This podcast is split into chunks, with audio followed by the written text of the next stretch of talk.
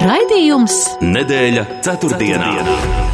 Sabiedrībā zināma cilvēku diskusija par nedēļas aktualitātēm katru ceturtdienu pēc pulksten 17. Nedēļa ceturtdienā. Projektu finansē Mēdīju atbalsta fonds no Latvijas valsts budžeta līdzekļiem. Sveicināti, kurzemes radio klausītāji! Ir atkal aizritējusi nedēļa, un februāris jau pāri pusē, pie tam ar jauniem siltuma rekordiem un meteoroloģisko pavasari kurzemē un arī Rīgā. Vietām jau sākusies kļavu sulu tecināšana, un pavasarim gatavojas arī stādu audzētāji, bet pavisam citāds šis gads iezīmējas lauksaimniekiem un konkrētāk piensaimniekiem. Aizvarītajā nedēļas nogalē Liepājā piensaimnieks dalīja svaigā piena litrus bez maksas un sieru pārdeva par pašizmaksu. Šodien zemkopības ministrs arī ticies ar Latvijas lielāko pārtiks tirdzniecības ķēžu pārstāvjiem, lai pārunātu vietējo produktu cenu apjomu. Izglītības darbinieku arotbiedrība atkal runā par streika rīkošanu aprīlī, ja netiks panākta vienošanās par pedagoģu un zinātnieku atalgojumu un slodzēm. Ministru prezidents nesaskata ilgspējīgu procesā nozarei piešķirot vēl vairāk naudas pedagoģu algām. Tikmēr izglītības un zinātnes ministre un veselības ministre vienojušās par veselības pratības pilnveidošanu izglītības programmās. Runājot par izglītību, arī jaunie lauksaimnieki ir neziņā par savu nākotni. Kāds būs lauksaimnieku pieprasījums darba tirgū tuvākajos gados? Bet Nodarbinātības valsts aģentūra, Eiropas nodarbinātības dienestu tīkla Eures darba mobilitātes konsultanti sadarbībā ar citu Eiropas valstu kolēģiem šogad veidos tiešsaistes raidījumus Uzzini pirms dodies - droša darba ceļvedis Eiropā, lai informētu par Eiropas Savienības un Eiropas ekonomikas zonas darba tirgu, veicinot izpratni par droša darba iespējām Eiropā. Ar vilinošiem darba piedāvājumiem varbūt arī mēs zaudējam darba rokas savā valstī. Un vēl cilvēkiem būtu jāslimo pirmajā pusgadā, jo nepietiekamā veselības aprūpes finansējuma dēļ otrajā pusgadā pie ārstēšanas var arī netikt. Tā šajā nedēļā preses konferencē izteicies Latvijas slimnīcu biedrības priekšsādātājs Jevgeņijs Kalējs. Par kādiem no minētajiem tematiem parunāsim plašāk, un šodien raidījumā ir lieliski viesi. Zemkopības ministrs Digis Šmits, labdien! Labdien! Un TV24 ētera personība, žurnālists, arī raidījuma producents Kārlis Streips. Labdien! Labdien! Un man jums ir tāds jautājums ievadam. Un uh, man tas likās interesanti, ka uh, ZZS priekšlikums tika noraidīts par uzdevumu iestādēm iedzīvotājiem sniegt saprotamas atbildes juridiskos nolēmumos, jo bieži cilvēki sati, sast, sastopās ar tādu uh, situāciju, ka ir garš juridisks dokuments, kāds nolēmums par kādu jautājumu, un uh, cilvēks vienkārši bez juridiskās izglītības ir neizpratnē, kas tad tur īsti ir pateikts. Un um, minētais regulējums atvieglo atvieglotu konkrētā dokumenta izskatīšanu, kā arī motivētu iesniedzējus un arī iestādes vērst uzmanību uz lietā būtiskiem un nozīmīgiem šiem iebildumiem un argumentiem, un, protams, arī nebūtu liekvārdības un būtu tāds apjomīgs uh, dokuments savilkts tādā īsā pārskatā, kas tad ir īsti nolemts. Kā jums šķiet, vai, jā, vai, vai iedzīvotājiem tomēr nevajadzētu saņemt uh, saprotamus juridiskos dokumentus, lai nebūtu atkal jāmeklē jurists, kas izskaidro, kāds tad ir šis konkrētais, uh, kādas lietas nolēmums vai, nezinu, tiesas spriedums vai kaut kas, jo mēs zinām, ka šie termini, ko juridiski, juridiski, juridis, juristi lieto, ir um, šad diezgan nesaprotams. Kā jums šķiet, jā, šāds lēmums saimā, tātad priekšlikums noraidīts. Kārli, sākšu ar jums. Nu, es te gribētu teikt divas lietas. Pirmkārt, ja cilvēks ir uzrakstījis par kaut ko, tad viņš jau ir lietas kursā par to, kas tur ir pa jautājumu. Bet otra lieta, diemžēl, ir tā, ka labs jurists nekad nelietos vienu vārdu, ja var lietot 15 vārdus. Un daudzvārdība tie juristiem ir ļoti, ļoti raksturīga. Es nezinu, cik lielā mērā latviešu valodā var būt sarežģījumi un specifiska terminoloģija. Es zinu, ka, piemēram, angļu valodā var būt ļoti sarežģīti termini, kurus vidējais cilvēks nezina, bet es nezinu, vai tas tā ir latviešu valodā. Jā, nu, jāsaka, man pašai gadījies saņemt kādus dokumentus, kur ir vārds un iekavās ministru kabineta tādu noteikumu, vārds ministru kabineta tādu noteikumu. Patiesībā ir, man ir gadījies sastapties ar dokumentiem, kas ir diezgan sarežģīti saprotami. Ministra kungs, kā jūs vērtējat šādu, šādu priekšlikumu noraidījumu? Es konkrēto priekšlikumu nezinu. Es tikai šodien no jums pirmo reizi dzirdu šo, šo, šo, šo problēmu jautājumu. Bet, uh, manuprāt, jau nu, var ar likumu paredzēt, rakstīt vienkārši saprotami, bet tas neatrisinās jautājumu, vai tas būs vienkārši un saprotami. Jo es savukārt dzīvē esmu redzējis arī vienu rindkopu, ko nevar saprast. Ja, vai, vai viņa ir gara vai īsa. Tas, manuprāt, izriet tīrāk, drīzāk no. Nu, tāds normāls prakses, ka tu uzraksti saprotamā valodā uh, dokumentu. Jā. Man liekas, mēs, mēs vispār Latvijā ļoti bieži aizraujamies ar šiem formālajiem aprakstiem visās jomās, tā skaitā, nezinu, policijas ziņojumos par notikumiem. Mēs uzskatām, ka mums jāapraksta viss ļoti sīki. Es vienkārši kādu laiku dzīvojis Francijā, un es zinu, ka, piemēram, ir veidi, kā noteiktu nodarījumu apraksta zādzību itāļu gaumē, punkts, un visiem ir skaidrs, kas ar to ir domāts. Un tad varbūt piefiksē nozagto mantu apjomu, bet nevis apraksta sīk un smalki, kā izskatījās motociklis sarkanā ķiverē, no, no kā beigu galā nav nekādas jēgas. Jā. Jā, ja runājam par citām sarežģītām lietām un varbūt netiks sarežģītām, jā, tad šodien Šmita kungs jums bija tikšanās ar Latvijas lielāko pārtiks tirdzniecības ķēžu pārstāvjiem. Varbūt es gribētu tā tad būt tāda svaigākā informācija. Jūs runājāt tātad par šo uh, Latvijas um, vietējās izcelsmes pārtikas uh, produktu šīm cenām un to, to veidošanu un tādu saglabāšanu vai, vai kā, kā noritēja šī tikšanās, kā jūs varat, uh, jā, pakomentēt šo? Tā pavisam īsi. Šodien gan vairāk runa gāja tieši par, par piena produktu tirzniecību, uzcenojumu, viņa īpatsvaru veikalu plautos. Man vienmēr ir licies, nu, nevis, nu jā, teiksim tā, jocīgi, kā piena industrijā, kur mēs saražojam, kur mēs paši patērējam tikai trešo daļu no saražotā veikalos, tā proporcija bieži vien ir otrādīga. Un, un, protams, ka katra katra valsts, kura, kurā ir tirgotāji, vēlās, lai viņu produkts būtu, un tā skaitā es kā ministrs, lai viņu produkts būtu primāri veikalu plauktos. Par to mēs ar tirgotājiem šodien garu un plašu runājam. Otra tēma bija par uzcenojumu politiku. Jā. Es neslēpšu, ka ir ražotāji, kas ar vien atklātāk rāda, lai arī tas ir komerces noslēpums, kāds uzcenojums ir vienā vai otrā veikala tīklā. Tur mums, kā saka, ar datiem, ko sniedz tirgotāji, manuprāt, nesakrita. Nu, tā ievērojami nesakrita. Es nevaru saukt konkrēti tirgotāju, bet tas ir liels tirgotājs Latvijā, kurš apgalvoja, ka piena produktu īpatsvars veikalā ir 94% un uzcenojums nav lielāks par 30%. Un es esmu redzējis pilnīgi citus datus. Ja. Mēs vienojāmies drīz tikties, šie dati tiks savākti, un tad tā saruna būs nedaudz citādāka. Bet, uh, bet vēl viena lieta, ko es drīzāk varētu teikt, informēju arī tirgotājus, lai nav tā, ka kaut kas notiek aiz muguras.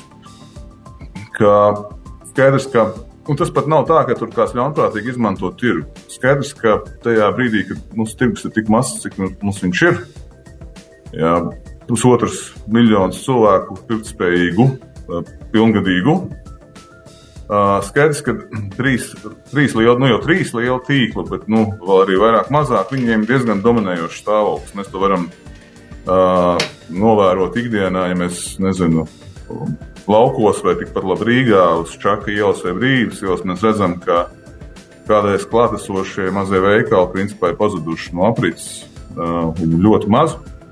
Un, attiecīgi, vietā, vietējā produkta izvietojums plauktā uh, kļūst ar vien mazāk.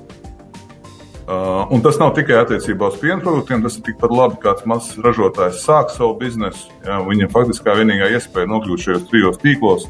Viņa apjoms vēl nav tāds, lai tīklam tas būtu izdevīgi, un viņš patiesībā paliek aiz durvīm. Un, uh, to, ko es informēju, kāda būs mana iniciatīva, patiesībā tā, tā doma man ir uh, vēl ilgi pirms politikas, uh, kad es pārtiks industrijā darbojos. Ka, ja mēs paskatāmies, teiksim, tādām valstīm kā Vācija, Francija, Nīderlanda, Šveice. Šo problemātiku, tur ir tāda pati, starp citu, viņi risina ar, ar, ar legāliem instrumentiem, Eiropas Savienībā pieļautiem. Proti, es augšu tā lielveikaliem, tiek noteikti zināms darbību laika ierobežojums. Nu, piemēram, Francijā, Vācijā un citur svētdienās lielveikali, kā lielveikali ciet. Sestdienās ir arī noteikts laiks, tā ir pusdiena, Un arī daudz kur darbdienās lielveikali nestrādā pēc astoņiem, kas attiecīgi paver iespēju mazajiem tirgotājiem, tirdziņiem un tā tālāk iedot telpu, vietu, kā saka, savu laiku, kurā viņi var atrast savu klientu. Ja. Un tas ir tas, ko, saka, es rosinu, tas pat nav īsti saistīts ar šo piena krīzi. Pēc būtības ir, ir piedāvājums. Varbūt sāksim ar svētdienām, un tad skatāmies tālāk. Ja. Par to es tirgotājs informēju. Droši vien mēs šo apspriedīsim arī uh, valdošajā koalīcijā. Tad jautājums, kā tas virzās caur ministru kabinetu vai caur saimnu, tad jau mēs domāsim un spriedīsim. Bet tā ir tāda praksa, kas ir plata. Nu, plaši izplatīta. Parīzē joprojām izstāsta pēc Parīzes, kur ir maz veikaliņi, tāpēc, ka ir šāda politika. Un uh, ir šiem maziem tirgotājiem gan saka, bulanžērijām, gan, gan eh, gaļas veikaliņiem, gan citiem savs laiks un vieta, kur viņi veiksmīgi darbojas. Jā, interesanti, kāda bija tirgotāju tāda attieksme un reakcija uz šādu priekšlikumu. Kaut gan mēs zinām, ka jau iepriekš ir Šad tad runāts par to, ka varētu svētdienās tā kā nestrādāt veikali, ka varētu būt tikai, nu, degvielas uzpildes stacijas atvērts un kādas mazas vietiņas, kur tādas pirmās nepieciešamības preces iegādāties. Jā, arī Vācijā, protams, ir šāda prakse. Svētdienās lielie veikali ir cieti. Kāda ir mūsu tirgotāja attieksme? Tirgotāji tādu tiešu attieksmi šodien nepauda, bet es viņu nojaušu, es viņu zinu no iepriekšējiem laikiem. Protams, ka ja tas notiek, tas viņus uztrauc. Uh, un, uh, nu, Bet tāda īpaša iebūve šodien nebija. Ja? Mēs virzīsimies uz priekšu. Tad, kad tas iepriekšējo reizi pacēlās kā jautājums, bija arī zināma rosība no veikala puses. Piemēram, pirms desmit gadiem, kad šis temats bija aktuāls dienas kārtībā, veikala tīkls Rimī kā savu iniciatīvu izvieto, daudzos lielajos tīklos izvietoja tādu seno klēti, kur bija nu, faktiski plaukta vieta vietējiem ražotājiem Tā bija viena no reakcijām. Dažādas reakcijas iespējams, bet es, es, es to apņēmības pilns virzīt, es diezgan pārliecināts esmu, ka saimā vismaz tam ir atbalsts. Tam arī plašs atbalsts. Mēs pat kādreiz mērījām atbalstu sabiedrībā. Viņš ļoti plašs, jā. sākot ar visām trijām baznīcām, beidzot ar ēdinātājiem. Tā kā es saku, viss, kas strādā svētdienās, jā, tā ir lauku dzīve. Galu galā arī Maksims Rimī vai Lidl kasierim ir tiesības svētdienu pavadīt ar ģimeni, nevis strādāt veikalā līdz 11. vakaram. Jā, Kārli, kā jūs redzat šādu e, kārtību Latvijā? Nu, es, es pirmkārt teikšu, es, es personīgi par tā kaut ko īpaši nepriecātos, bet man pirmais jautājums būs, kas noteiks, kas ir lielie tīkli un kas ir mazāki tīkli un mazāki ražotāji. Ja? Jo es, piemēram, es regulāri pērkos mazā megoveikalā, kas ir netālu no manas darba vietas, un, un vai tas ir, tā, bet mego ir daudz veikalu Latvijā, vai tas līdz ar to būtu kaut kas, kam būtu jābūt slēgtam. Otrakārt, kas attiecas uz maziem ražotājiem, nu nav nekur pazudis fakts, ka, ja tu dzīvo laukos ar savu vienu govi, tu nevari būt mūsdienu tirgus dalībnieks. Tā, tā vienkārši tas, tas neizdodas. Un es nezinu, vai, vai veikalu slēgšana piepieši kaut kā maģiski nozīmēs, ka, ka mazi veikaliņi atvērsies un, un, un uz to vienu dienu tirgos to vietējo preci. Uh, attiecībā konkrēti uz piena cenām es esmu dzirdējis par uh, neadekvātām iepirkuma cenām un vajadzību kooperēties kopš es ierados Latvijā 89. gadā. Šis jautājums, tāpat kā ļoti daudz mūsu valstī un sabiedrībā, tiek malts vēl un vēl un vēl un vēl. Un es neesmu gudrs šajās lietās. Es nezinu, kas ir jādara, vai mazāk ir jāražo piens, vai, vai, vai kas, kas tur ir jādara.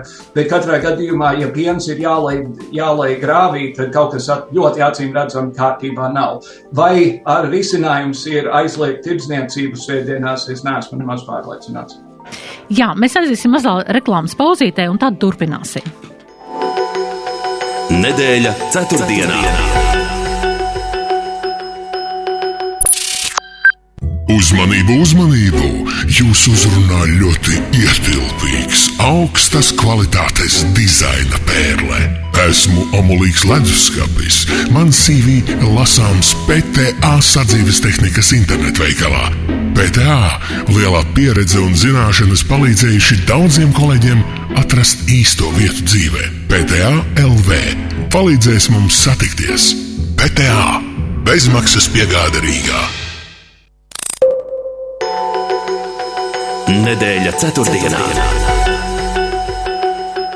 Nedēļa ceturtdienā un mums raidījuma viesi šodien ir Dīdzes Šmits un Kārlis Streips.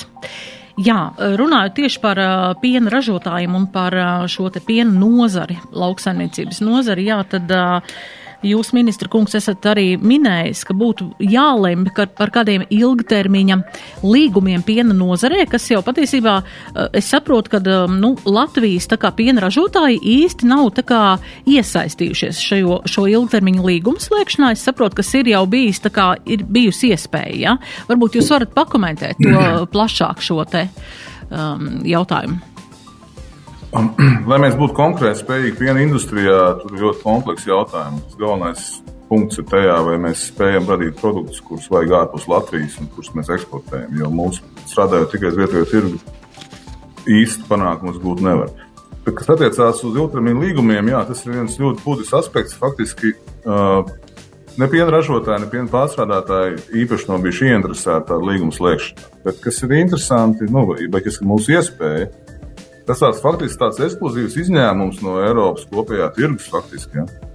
Ka kopš nu, šī piena krīze ne tikai Latvijā, bet arī Eiropā, viņi, nu, viņi notiek reizes septiņos gados.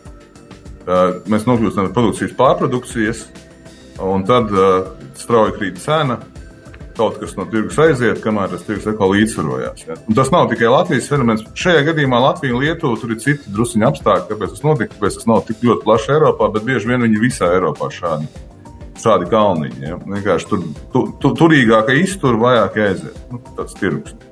Bet attiecībā uz ilgtermiņa līgumiem, kopš 2000, tieši tāpēc, ka šādi kalniņi notiek Eiropas Savienībā, uh, kas ir ļoti subsidēta lauksaimniecībā. Uh, 2013. gadā komisija deva tiesības katrai nu, dalību valstīm brīvprātīgi noteikt savu iekšējo kārtību. Izpratnē Latvija, nu, jebkuras valsts likumdošanā paredzēt obligātus ilgtermiņa līgumus starp piena ražotāju, izpratnē, nu, to, to, to, kam ir govis, un to, kas pārstrādā un tirgo tālāk. Izpratnē, un, tā, tā, tā problēma ir tāda, ka desmit gadu laikā uh, Latvijā ne piena ražotāji, bet es saprotu arī īpaši pārstrādātāji ir pretojušies, ka šādu likumdošanu Latvijā ieviest. Visi ir gribējuši, kā saka, viņi sauc par spotu cenām, ikmēneša cena, nu, neierobežosim savu peļņu. Un, diemžēl, tad, kad ir liela krīze, tad mēs mēģinām nākt pakaļ pēc finansējuma no budžeta. Uh, līdz ar to, tagad es jūtu, vismaz šodienas sarunā ar, ar, ar piena ražotājiem, es sadzirdēju vēlmi pēc šādas sistēmas. Tas arī būtu tas, ko es ilgtermiņā izpratnē to var pietiekami ātri izstrādāt. Skaidrs, ka tas nerisina šo dažu mēnešu krīzi. Bet, lai mēs nekad nenokļūtu šādā situācijā vēlreiz, vismaz tik kritiskā, tas būtu tas, ko es rosināšu. Izpratnē tas, ko es gribu pateikt, lai nebūtu pārpratumu, šāda sistēma nenozīmē, ka piena ražotājs ar pārstrādātāju noslēdz, piemēram, līgumu par to, ka piens maksās 35 centi, un šī cena nekad nekustās. Nē, tur ir algoritms, izpratnē uh, indeksācija, nu, pie cenu, kad viņš ir piesaistīts, teiksim, piemēram, Eiropas vidējai cenai, kad viņi iet augšā, tā cena kāpja, kad viņi iet lejā. Viņi arī iet uz leju, bet viņi nekad neaiziet zem pašizmaksas. Ja? Izpratnē, piena ražotājs ir pasargāts no, no tā, ka viņš teiksim, varētu nokļūt grūtā situācijā. Es tad dotu vienu piemēru no savas iepriekšējās pieredzes zivsainiecībā. Ir teiksim, valstis, kurās zvejnieks tiek aizsargāts tādā apjomā, pat, pat, pret viņa gribu, bet ar obligātu valsts likumdošanu, kad teiksim, pārstrādātājs no zvejnieka zivis var iegādāties brīdī saņemt. Ja, kad viņš ir atstājis bankas kontā uz šo zvejnieku šo paredzēto summu, lai neizveidotos nekādā gadījumā situācija, ka teiksim, zvejniekam nesamaksā. Ja. Kā, tas nav nekas unikāls, bet mēs esam paši to negribējuši.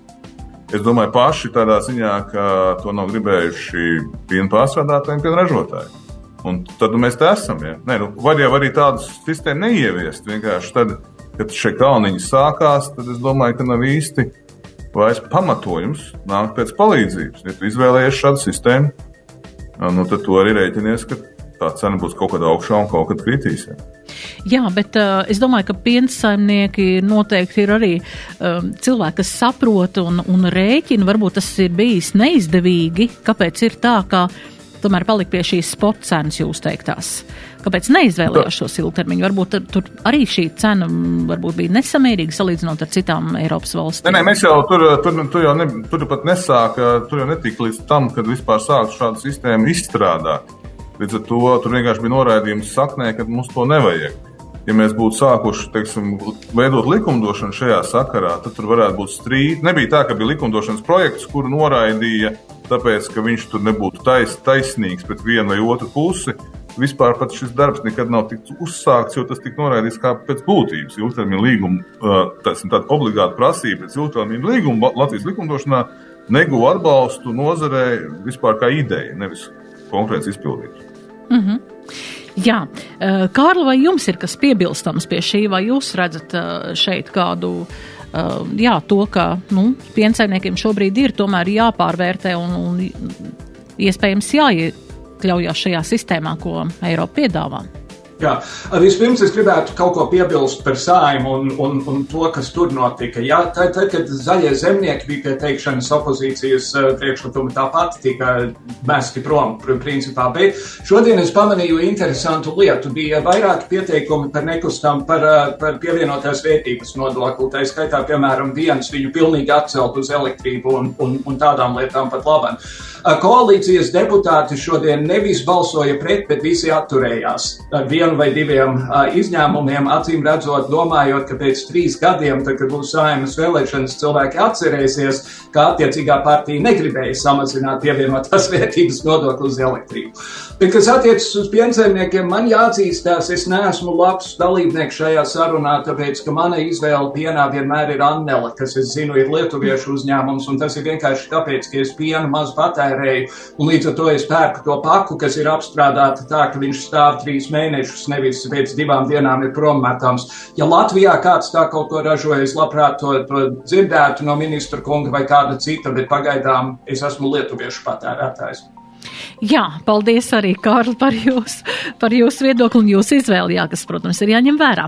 Jā, bet, ja runājam par tādu lauksaimniecības nākotni, man tāda, tāda ziņa, jā, par to, ka um, ja, Latvijas jauno zemnieku klubs un um, tā valdes priekšsādātāja Sandra Eiman ir tā kā, jā, informējis par to, jā, ka jaun, jauniešiem laukos ir gan entuziasms, gan azarts iesaistīties projektos un, un visādā veidā arī, protams, mēs zinām, jauni cilvēki ir arī vairāk uz risku un uh, nav tik bailīgi varbūt un tik varbūt um, uzdrošinās vairāk nekā pieredzējušāki lauksaimnieki, bet tomēr pastāv tāda neskaidrība, um, ņemot vērā visus apstākļus, vai darba tirgu jaunietis lauksaimnieks tuvākajā nākotnē būs pieprasīta profesija.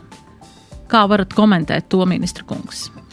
Es domāju, ka noteikti tā būs pieprasīta profesija. Protams, ka arī lauksaimniecība, kā jebkura cita ekonomikas daļa, viņa modernizējās. Tad jaunieši kā reizes tam iet līdzi. Ja. Es domāju, ka tas, kas mums ir ļoti, tas, kas man patiešām uztrauc, ir šī pauģa nomaiņa lauksaimniecībā. Jo, jo teiksim, lopkopība ir tāda nozara, kur tā saka, grūti būt prom no govs.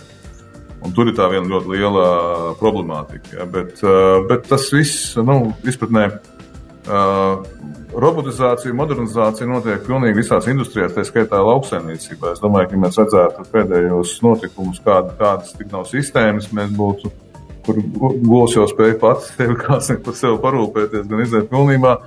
Kā tur ir nākotne, es noteikti, es noteikti teiktu jauniešiem, ka tā ir izpratnē Mēs jau varam visi runāt par to, ka mēs rītā visi ražosim dronus un, un, un robotus un būsim tur, kā saka, high-tech un programmētāji. Tas viss ir forši.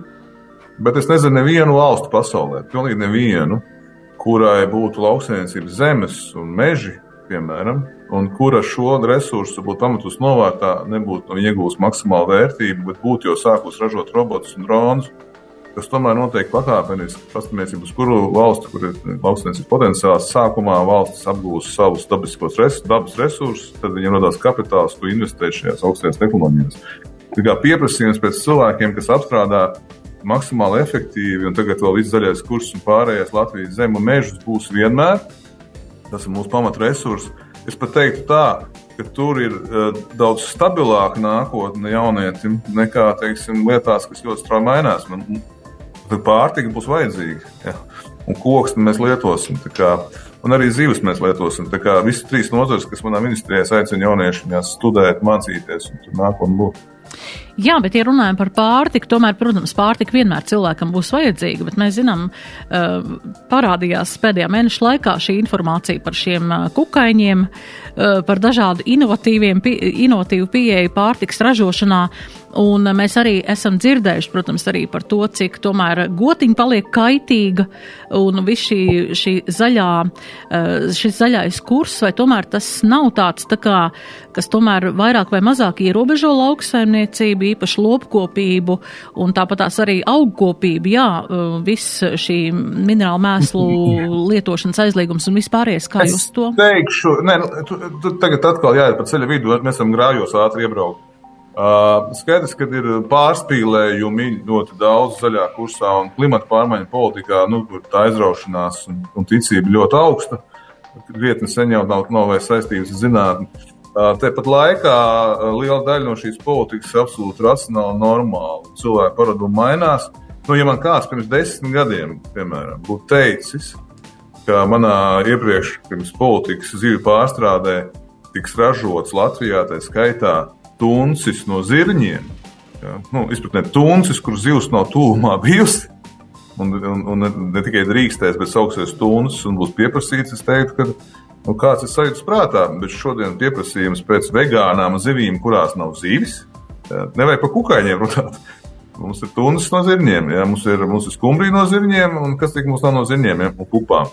Tā, kā, nu, tā tendence ir, bet tas vegānais virziens nav tāds viendabīgs. Ir tādi vegāni, kas grib, lai tam nav zivs, bet viņi garšo pēc zivs, un viņiem vienalga, cik ēvielas tur ir. Tad ir tādi vegāni, kas grib, lai nav zivs, bet lai nav arī ēvielas, un var arī īpaši negaršot pēc zivs, bet tur uzrakstīts, ka tur ir zivs, kas nav zivs. Kā, tur ir ļoti daudz tie paveidi, ja, un uh, skaidrs, ka ražotājs nu, pielāgojās. Es domāju, ka nu, mēs varam tikai jocīgi skatīties uz kukaiņiem, bet es domāju, ka Āzijā neviens nesaprot, kas tur jocīgs. Tāpēc, kā Kazahstānā nesaprot, kas jocīgs ir zirgus, un Francijā nesaprot, kas dīvains ir vārds. Ja? Tā kā tas ir arī. Tā pasaule mainās, nu, bet, nu, bet arī tradīcijas mēdz būt tādas, kuras mēs otrā valstī nesaprotam. Ne? Jā, Kārli, ko jūs sakat par šīm jaunajiem risinājumiem pārtikā? No attiecībā, pirmkārt, man, piemēram, ļoti garšo Beyond Burger, kas ir lielopu gaļā tas variants, un tā tik tiešām garšo pēc gaļas, izskatās pēc gaļas, smaržo pēc gaļas, un tur ir kaut kāds enzīms, ko viņi lieto, lai to nodrošinātu. Es nezinu, kā ir jūras veltēm, bet ja kāds izdomās uztaisīt omāru, kas ir no zirņiem un tiešām garšo pēc omāra, es tikai priecāšos, jo tas būs lētāks nekā īstais omārs. Bet, kas attiecas uz Latvijas lauksaimniecības tirgu, mums ir viena ļoti liela vēsturiska ironija mūsu valstī, proti, ja 20. gados bija loģiski lielās mūžas sadalīt un jaunsaimniekiem atdot, atdot mazākus zemes gabalus, pēc padomju savienības sabrukuma kolhozi tika likvidēti precīzi tajā pašā laikā, kad visur citur pasaulē notika lauksaimniecības konsolidācija. Un, teiksim, Amerikā ir, ir fermas, kas ir lielākas par visu kurzemi vai, vai visu latgali, un man liekas, pat dažos gadījumos lielākas par visu Latviju. Tas ir tas, tas ir tas līmenis, kurā kaut kas var notikt. Un es teikšu vēlreiz, tu vari dzīvot savā mazajā fermiņā ar savu vienu govi un savu pushektāru, bet tu nevari būt līdz ar to tirgus dalībnieks. Un pēdējais, ko es par to pateikšu, ir, ka es personīgi esmu cilvēks, kuram vienīgā labā lieta, kas ir sakāma par laukiem, ir, ka ir iespējams no turienes atgriezties pilsētā. Es vēlu lauciniekiem visu labu, es patērēšu viņu preces, bet es nebūšu tas, kas nāks ar kudru padomu. Jā, paldies. Jā, ja runājam, mēs runājam jā, par šiem um, jauniešiem laukos, lai, viņus, lai, viņi, lai viņi būtu droši, ka viņu, būs, uh, viņu izvēlētais uh, arots būs pieprasīts. Uh, bet ir arī vēl kāda, kāds jautājums, par kam es gribēju pievērst uzmanību, un tātad nodarbinātības valsts aģentūras, Eiropas nodarbinātības dienestu tīkla, darba mobilitātes konsultanti sadarbībā ar citu Eiropas valstu kolēģiem šogad veido četrus tiešsaistes raidījumus, uzzina pirms dodies droša darba ceļvedes Eiropā. Un šajos semināros informēs par Eiropas Savienības un Eiropas ekonomikas zonas darba tirgu. Un, protams, ka šeit varēs jaunieši uzzināt, un jebkurš tātad par iespējām um, iesaistīties darba tirgū dažādās Eiropas valstīs, bet vai tomēr šādi semināri arī neaizvilina no Latvijas tālāk prom mūsu labākos un tādus, nu, teiksim, um, tādu potenciālu darba tirgū, un vai līdzīgi arī mēs Latvija piedalās arī šādos projektos, arī citās valstīs, ja notiek šādas uh, darba tirgus piedāvājums. Uh, ministra kungs, jā, kā jūs komentētu šo? Es īpaši par šo nezinu, kā, kas tur tieši tiek piedāvāts un kā, bet es, godīgi sakot, es par to īpaši nesatrauktos. Mēs esam Eiropas Savienībā, kur visi zina, ka var aizbraukt studēt, citur strādāt, citur var palikt, var atgriezties. Es domāju, ka labāk, ja aizbrauks studēt, nav nekas slikts, ka tu aizbrauc studēt uz, uz, uz, uz valstu, kurā varbūt tā tavas specifiskās spējas ir, ir pasniegts labāk. Nav nekas slikts arī, ka kādu laiku uh, darbojies kādā uzņēmumā, kurš varbūt ir pasaules, Eiropas līmenī. Svarīgi, ka tu neaizmirsti savu valsti, un reiz atgriezies un savu zināšanas pielieto šeit. Jā. Tā kā no šādiem semināriem es nebaidītos. Es baidītos drīzāk no provinciālas domāšanas un, neredzēš, un laukuma neredzēšanas, ja, kurā mums ir jācīnās un, un, un, un kur mums jāsasniedz savu mērķi. Es, es, es gribētu cerēt, ka mēs vidusskolā audzinām talantīgus cilvēkus ar, ar, ar, ar vēlmi pil, pilnveidot sevi un sasniegt, sasniegt savus mērķus dzīvē. Un, uh, tad arī tur patriotisms pat blakām ir. Ja. Jā, bet nu, pieredze tā kā rāda, ka nu, negluži tā kā cilvēki vēlās atgriezties šeit. Ja, ja... Ja tas tam nav, tam nav sakars ar šiem semināriem. Pilnīgi noteikti nekāds mm. tam ir cits pilnīgi sakars. Jā, Kārli, kā jūs redzat šo? Es teikšu, lai vilina. Un es piekrītu ministram, tur nekas ārprātīgs īpaši nav, jo šī doma, ka kaut kā latvieši izmirst, tā ir muļķīga. Mūsu ir gandrīz divi miljoni pasaulē. Es piekrītu, ka, un es uzskatu, ka šie cilvēki, kas dzīvo pat labam Lielbritānijā vai Īrijā vai kaut kur, viņi nav aizmirsuši ne Latviju, ne latvietību. Viņi tur ir uzbūvējuši principā to pašu infrastruktūru, kas okupācijas laikā bija vecajai trimdai. Tur ir baznīcas draudzes un sestdienas skolas un klubiņi dažādi un interešu pulciņi un, un teātra grupas un vispārējais. Viņi nav aizmirsuši, ka viņi ir, ir latvieši. Bet fakts ir tāds, es esmu būtībā pārsteigts, ka Latvijā vispār vairs strādā kāds ārsts vai medmāsa, zinot, ka ar savām zināšanām viņš var Vācijā vai kaut kur citur nedēļas laikā nopelnīt to pašu, ko viņš nopelna gada laikā Latvijā. Tas ir apbrīnojams patriotisms, tā ir apbrīnojama. Varbūt viņi ne, nezina valodas pietiekami, lai tur strādātu, un tur varētu būt akreditācijas jautājumi.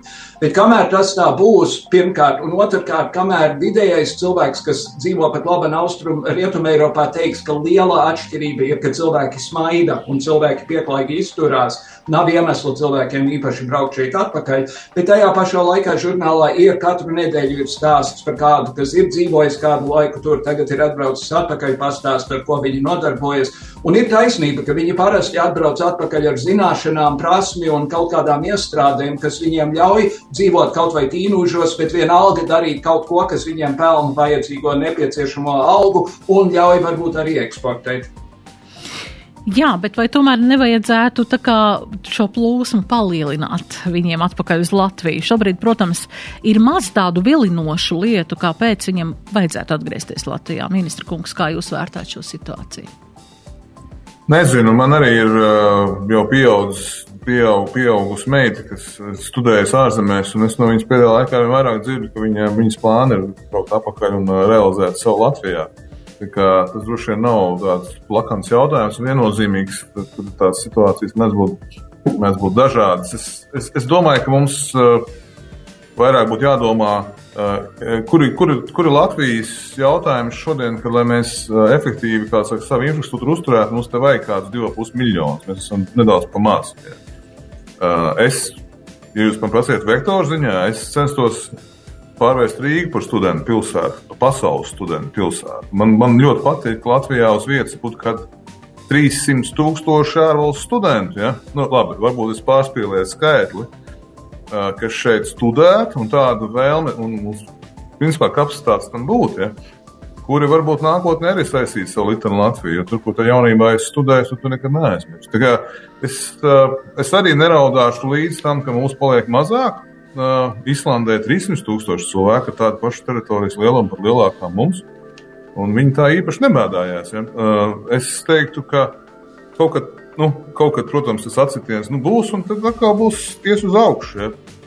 Es saku vēlreiz, es vai, daudz vairāk uztrauktos par provinciālas domāšanas uh, klātesamību, nevis par skatu tālāk pasaulē. Ja? Tu sākumā meklēt, ceļo, izzini, tad tu atgriezies uz to vietu, kur jūties labāk. Jā, protams. Bet... Drīkst piebilst, jā, lūdzu, jā. Rīga jau ir startautiska studentu pilsēta. Mēs redzam cilvēkus, īpaši no Āzijas, diezgan daudzus, kuri te mācās, un cik es esmu ar viņiem aprunājies, jā, viņi saka, viņi, viņi mācās šeit, viņiem te ir labāka izglītība nekā varbūt būtu Pakistānā. Viņi parasti saka, ka viņi brauks atkal atpakaļ uz, uz savu Pakistānu, tad, kad tas būs tad, kad tas būs izdarīts. Līdz ar to tas, tas jau principā notiek, šai, šī, šī izglītības internacionalizācija.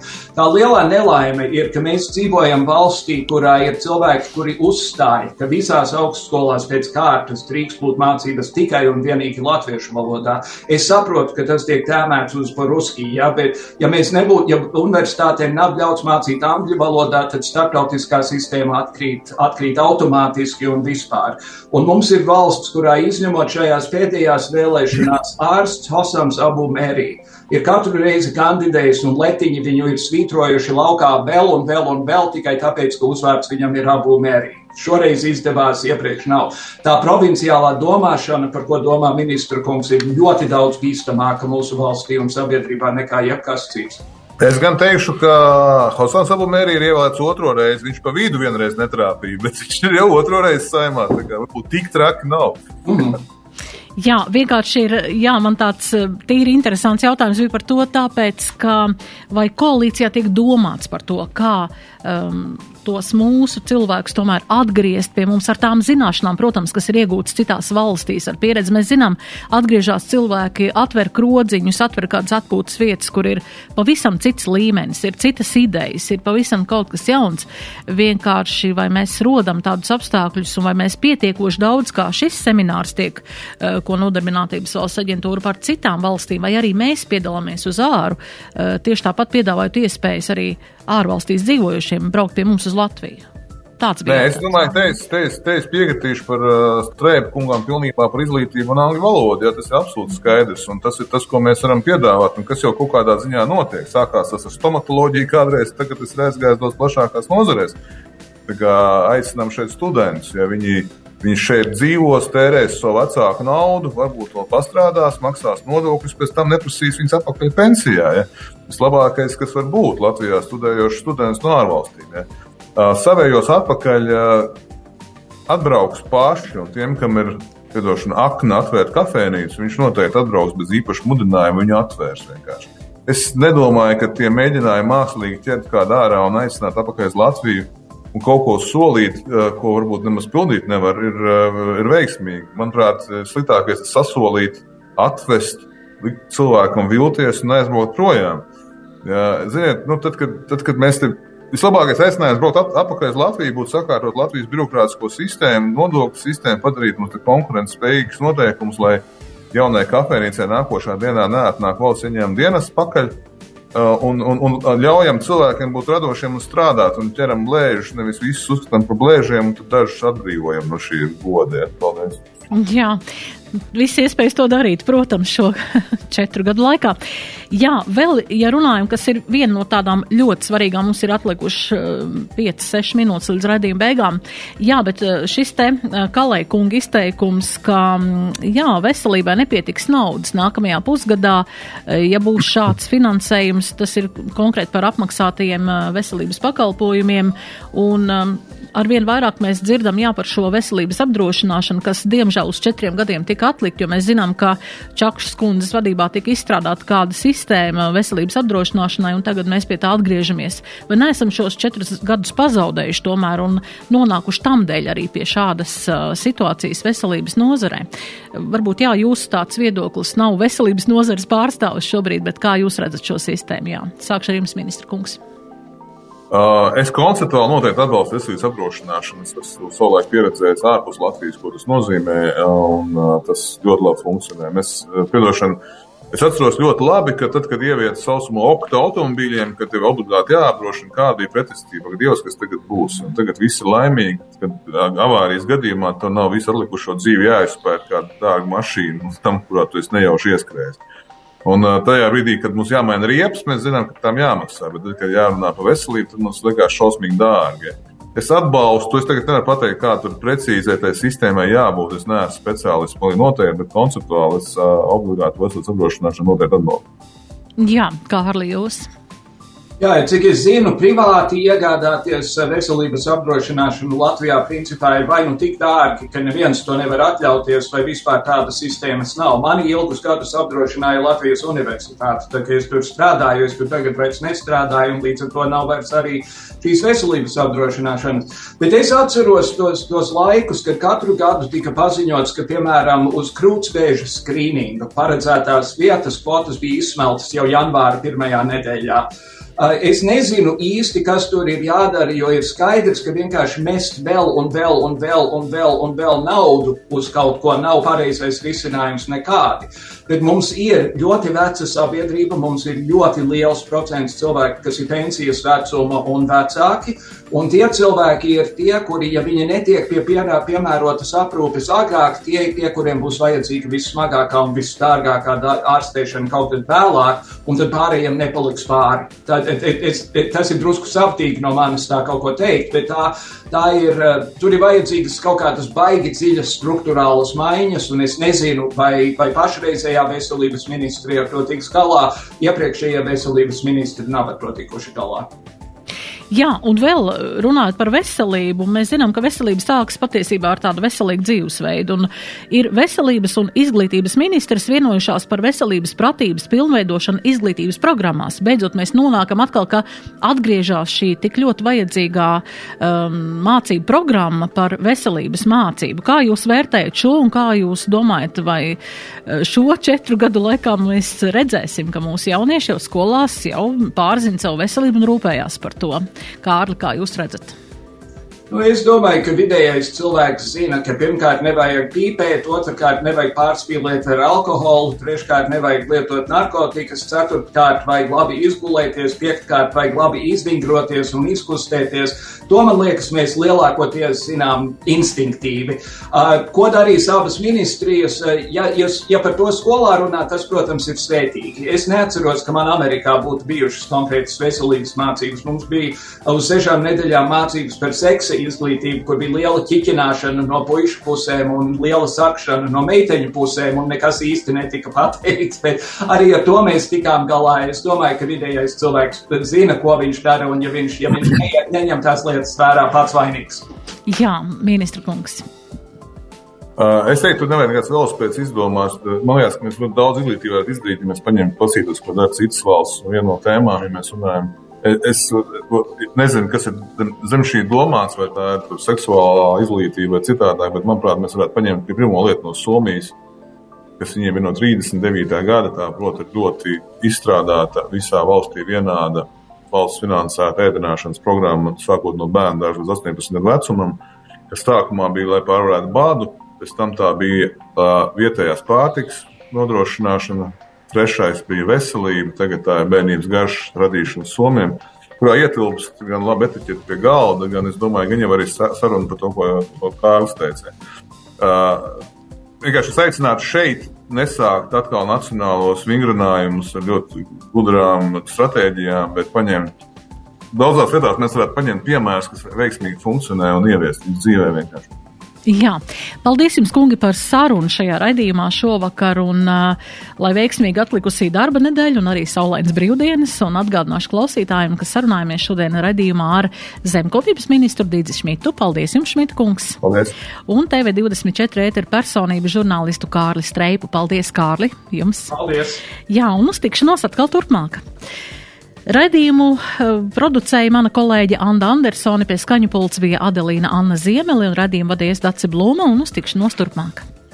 Raidījums Nedēļa ceturtdienā. ceturtdienā. Sabiedrībā zināma cilvēku diskusija par nedēļas aktualitātēm katru ceturtdienu pēc pulksten 17. Nedēļa ceturtdienā.